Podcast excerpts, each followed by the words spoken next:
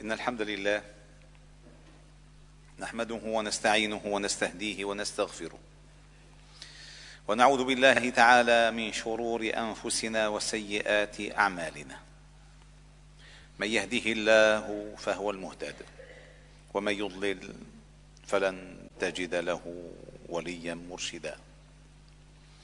ومن لم يجعل الله له نورا فما له من نور.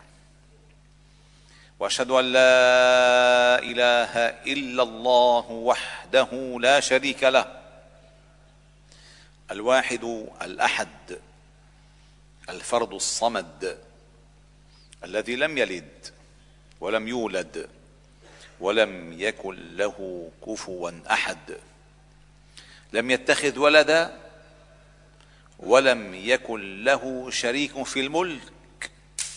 ولم يكن له ولي من الذل فالله أكبر كبيرا. وأشهد أن محمدا عبد الله ورسوله وصفيه من خلقه وخليله. بلغ الرسالة وأدى الأمانة ونصح الأمة وعبد الله حتى أتاه اليقين صلوات ربنا وتسليماته عليه. وعلى آله الأطهار وصحابته الأخيار ومن تبعهم بإحسان إلى يوم الدين. يقول ربكم جل جلاله يا أيها الذين آمنوا اتقوا الله حق تقاته ولا تموتن إلا وأنتم مسلمون. يا أيها الذين آمنوا اتقوا الله وقولوا قولا سديدا يصلح لكم أعمالكم ويغفر لكم ذنوبكم ومن يطع الله ورسوله فقد فاز فوزا عظيما ثم أما بعد فإن أصدق الحديث كلام الله تعالى وأحسن الهدي هدي محمد صلى الله عليه وسلم. وشر الأمور محدثاتها وكل محدثة بدعة وكل بدعة ضلالة وكل ضلالة في النار. عباد الله أيها الأحبة المؤمنون كنا نرتع وإياكم في حدائق كتاب الله تعالى مستخلصين منها المعاني الكاشفات التي تعيننا على فهم الأحداث والأزمات والأخطار المدلهمات التي تحيط بأمتنا من كل حدب وصوب على مر الأيام والأزمان. لأن هذا القرآن العظيم أيها الطيبون يهدي للتي هي أقوم. لأن هذا القرآن العظيم أيها الأحرار فيه بصائر أي ترى من خلاله الأشياء على حقيقتها على أحجامها على أبعادها فتفهم كيف تتحرك وكيف تتعامل. وكيف تأخذ وكيف تعطي وكيف تحذر. لأن هذا القرآن العظيم فيه الهدى الكامل. الهدى الكامل لأنه من الله. قل إن الهدى هدى الله. فإذا أتاك الهدى من الله والله يهدي إلى صراط مستقيم فإذا أنت في عصمة من الضلال والتيه والانحراف والانخراق والضياع والارتياب والشك. لأن القرآن الكريم أيها الأحباب الكرام فيه العصمة. فمن تمسك به فإنما اعتصم بحبل الله ومن يعتصم بالله فقد هدي إلى صراط مستقيم. فإذا اعتصمت بحبل الله تعالى ما دمت مستمسكا بهذا الكتاب فأنت على طريق الإصلاح. والله تعالى يقول والذين يمسكون بالكتاب ويقيمون الصلاة إنا لا نضيع أجر المصلحين. فاذا يا يحيى خذ الكتاب بقوة. عندما تريد أن تأخذ الكتاب ولكن تاخذه هكذا مثل أيام هذه الأزمنة التي نعيش. القرآن عندنا للبركة إما في الصالون وإما في السيارة وإما للحفظ واما واما وإما. لا تأخذه بقوة. والذي يريد أن يأخذ الشيء بقوة ينبغي أن يكون ساعده قويا. ينبغي أن تكون إرادته صلبة. ينبغي أن يكون قلبه حاضرا. لأن هذا القرآن كلام ثقيل. أنا سنلقي عليك قولا ثقيلا. لأن هذا القرآن العظيم لو أن قرانا سيرت به الجبال أو قطعت به الأرض لكان هذا القرآن لأن القرآن لو نزل على جبل بقوته وشموخه وصل وصلابته لرأيته خاشعا متصدعا من خشية الله. فلم فما لم تأته بقوة وعزيمة وإرادة فلن تقوى على حمله. سيكون حجة عليك لا لك. وإن الله يرفع بهذا الكتاب أقواما ويضع به آخرين. فإذا ما دمنا نريد أن نقرأ ما يجري حولنا من خلال نوافذ آيات الله تعالى وكلامه وسوره فنحن نأخذ الكتاب بقوة. لأننا نقول حالا لا مقالا من هنا ننطلق للفهم. من هنا ننطلق للمواجهة. من هنا ننطلق للعمل والإعداد. كما انطلق السابقون أبو بكر وعمر وعثمان وعلي وباقي العشرة وأصحاب بدر وأصحاب الرضوان وأصحاب الفتح وكل من رفع راية لا إله إلا الله. فهذا هذا سلك سلك نتشرف أن نلتحق به. والله تعالى يقول في كتابه إنا لننصر رسلنا والذين آمنوا في الحياة الدنيا ويوم يقوم الأشهاد. آية أتت عقب ذكر قصة فرعون لا مع مواجهة موسى بل مع مواجهة مؤمن آل فرعون. هذا الرجل الذي كان يكتم إيمانه واجه فرعون فقال أتقتلون رجلا؟ ان يقول ربي الله وقد جاءكم بالبينات من ربكم إلى آخر الآيات التي تجاوزت العشرين آية. في قصة هذا المؤمن الذي ينصح قومه ويحذر فرعون. انتهت. هذه المشاهد من هذه القصة بقوله تعالى أنا لننصر رسلنا والذين آمنوا في الحياة الدنيا ويوم يقوم الأشهاد. السؤال أيها الأحباب الكرام أين نصر الله تعالى؟ مما نرى. أين تأييد الله تعالى للمؤمنين؟ أين مدد الله تعالى للمجاهدين؟ أين خذلان الله تعالى للمنافقين؟ أين أين أين؟ وهذه الأسئلة إنما تصدر عن الطبيعة البشرية الضعيفة التي تحب أن يكون كل شيء عاجلا. ولا تقدر مآلات الأمور ولا تفهم حكمة الله البالغة. ولكن الله تعالى عندما قال إنا لننصر رسلنا. هذا تأكيد ووعد من الله تعالى. وقال والذين آمنوا أي أتباع الرسل على مر الزمان. على مر الزمان. منصورون. فأيدنا الذين آمنوا على عدوهم فأصبحوا ظاهرين. منصورون. ولكن الإشكالية في فهمنا السقيم هو قوله تعالى في الحياة الدنيا. في الحياة الدنيا؟ نعم.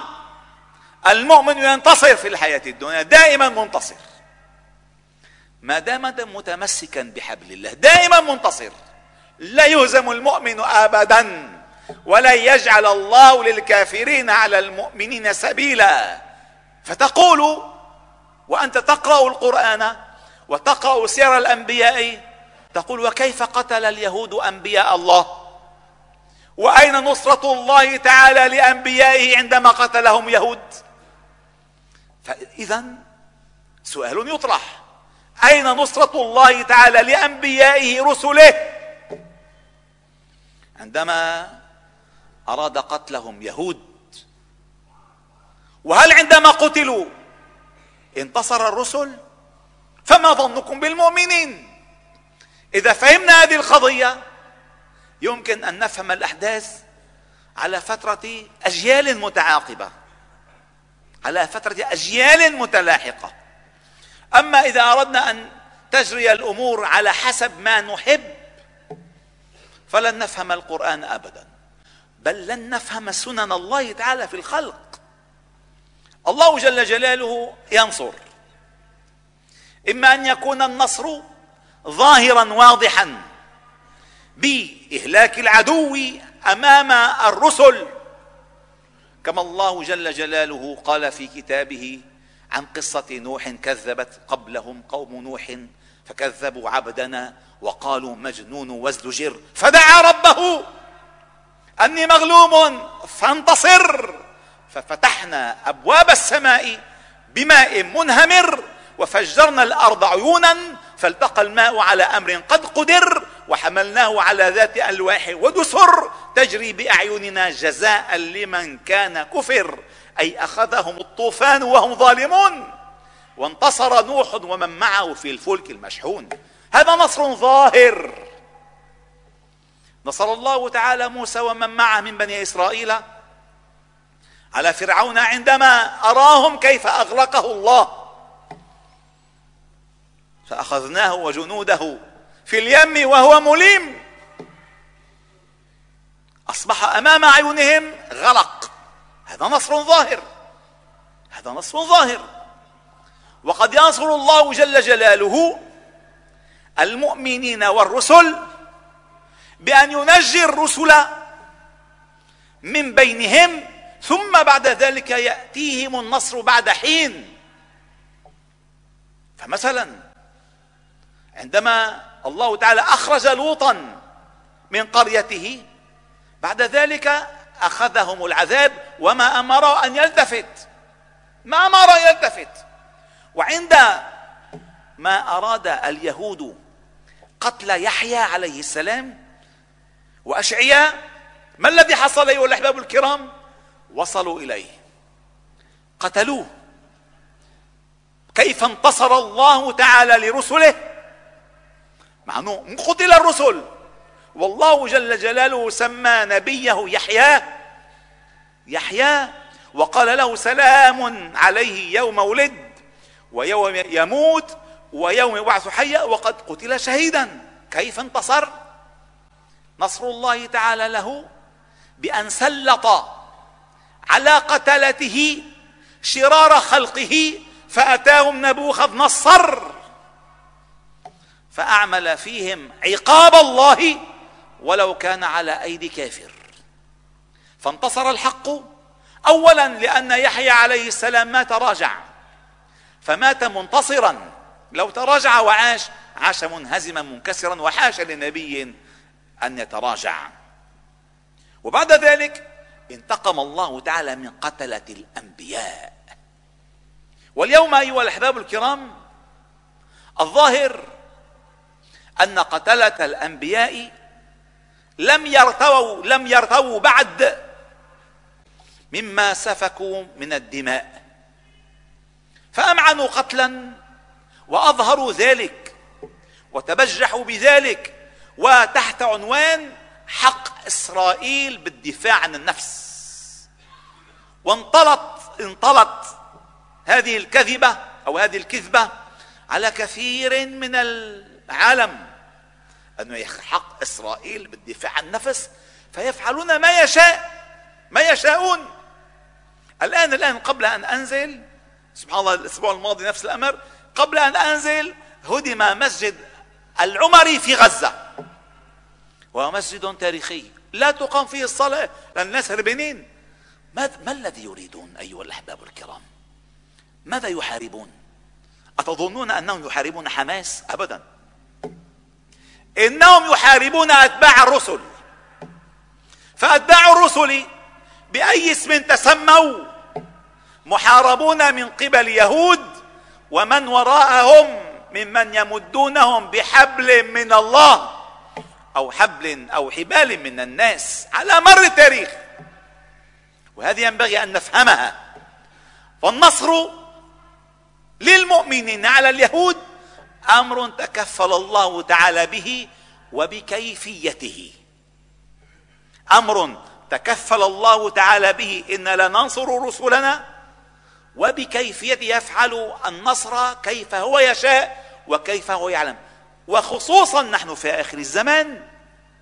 والأمة اليوم أيها الأحباب الكرام ربما تستغربون أنه شو آخر الزمان خلصت الدنيا؟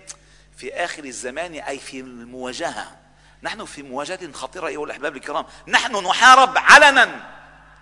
بالدين بالدين. علنا منذ أكثر من مئة عام.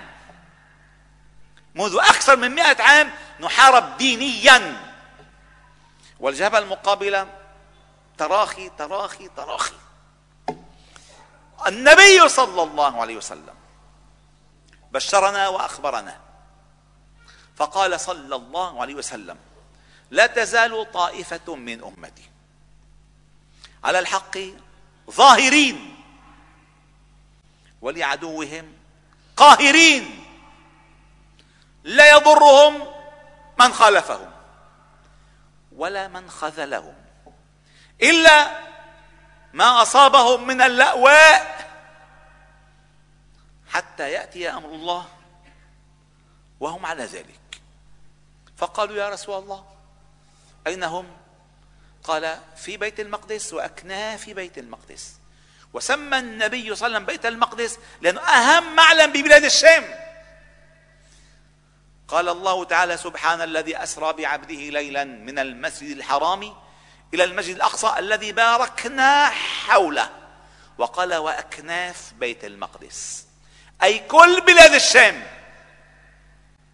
فيها الطائفة المنصورة. بالله عليكم. أسألكم بالله عليكم. عندما حصل ما حصل في غزة ورأيتم أنتم بأم أعينكم. أما شعرتم أنكم أنتم المستهدفون؟ أما شعرتم لو أنكم تستطيعون أن تصلوا الآن إلى غزة ما قصرتم؟ أما شعرتم أنكم مسؤولون؟ هذا ظهور الحق. أي لن يستطيع أحد أن يطفئ جذوة حماس الجهاد في الأمة. والله ولو جمعوا كل حامل الطائرات وجمعوا كل الغواصات وجمعوا كل الجيوش لا يضرهم. ولو خذلهم كل العرب وكل محور الممانعة وكل الكذابين لا يضرهم من خذلهم. على على شرط أن يكونوا على الحق ظاهرين. وظهورهم على الحق أي ثباتهم على الحق. اليهود يهود. لا سلام مع اليهود. لا تطبيع مع اليهود. لا مفاوضات مع اليهود. حربنا دائمة مع اليهود. لتجدن أشد الناس عداوة للذين آمنوا اليهود والذين أشركوا. وكلما أوقدوا نارا للحرب أطفأها الله. فهم أهل حرب. لم يرتووا بعد من سفك دماء أنبياء الله تعالى على مر الزمان. ويمعنون قتلا في الأطفال والنساء والشيوخ والأبرياء والآن يظهرون لنا الأسرة بس مشان يهزوا معنويات الأمة. وإن كان شو الأسرة منها مشكلة؟ منها مشكلة. حتى القتلى ليست مشكلة. المشكلة أين نحن ظاهرون؟ على الحق أم على الباطل؟ ثباتنا أين في الدين أم غير الدين؟ هل تغيرت أفكارنا؟ نظراتنا؟ هل نقول شو بدنا بس شغلة؟ لا عملوا الموضوع يا أيها الأحباب الكرام غزة محاصرة يحاصرها أعداؤنا وأعداؤهم وأعداء الأمة وأعداء الأنبياء. هل يلام؟ الضحية عندما يقول للمعتدي كف يدك وإلا قطعتها هل يلام؟ هل إذا دخلت إلى بيتك مثلا ووجدت سارقا لصا يسرق بيتك.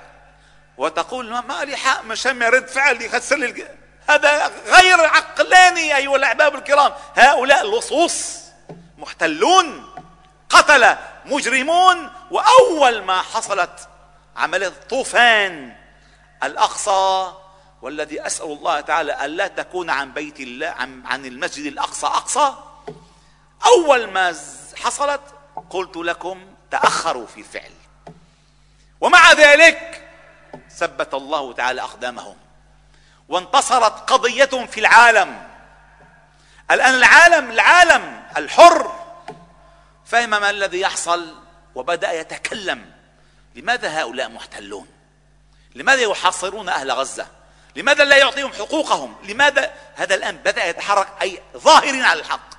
لو تنازلوا لضاعوا كما ضاعت السودان وضاعت كما ضاعت الأندلس وضاعت كما ضاعت الشام لو تنازلوا ولن يتنازلوا إن شاء الله تعالى لأنهم موعودون بالنصر بس الكيفية التي يريدها الله.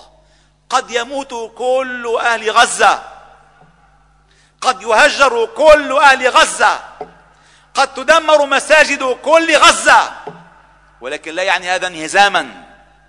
لأن القضية لا تزال مشتعلة حماسة ومشتعلة جهادا ومشتعلة قسامية في كل الأمة فإذا لم ينهزموا. والقضية ليست بقعة جغرافية في فلسطين القضية معتد وضحية مجرم وبريء معتد وصاحب حق. هذه القضية ونحن مسؤولون أمام الله تعالى. عما نستطيع أن نقدم وكل من خذلهم سيدفع الثمن عاجلا غير آجل.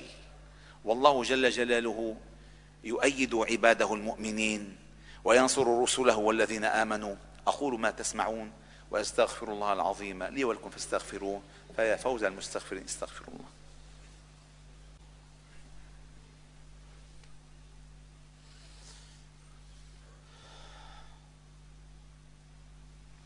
الحمد لله وكفى وسلام على عباده الذين اصطفى.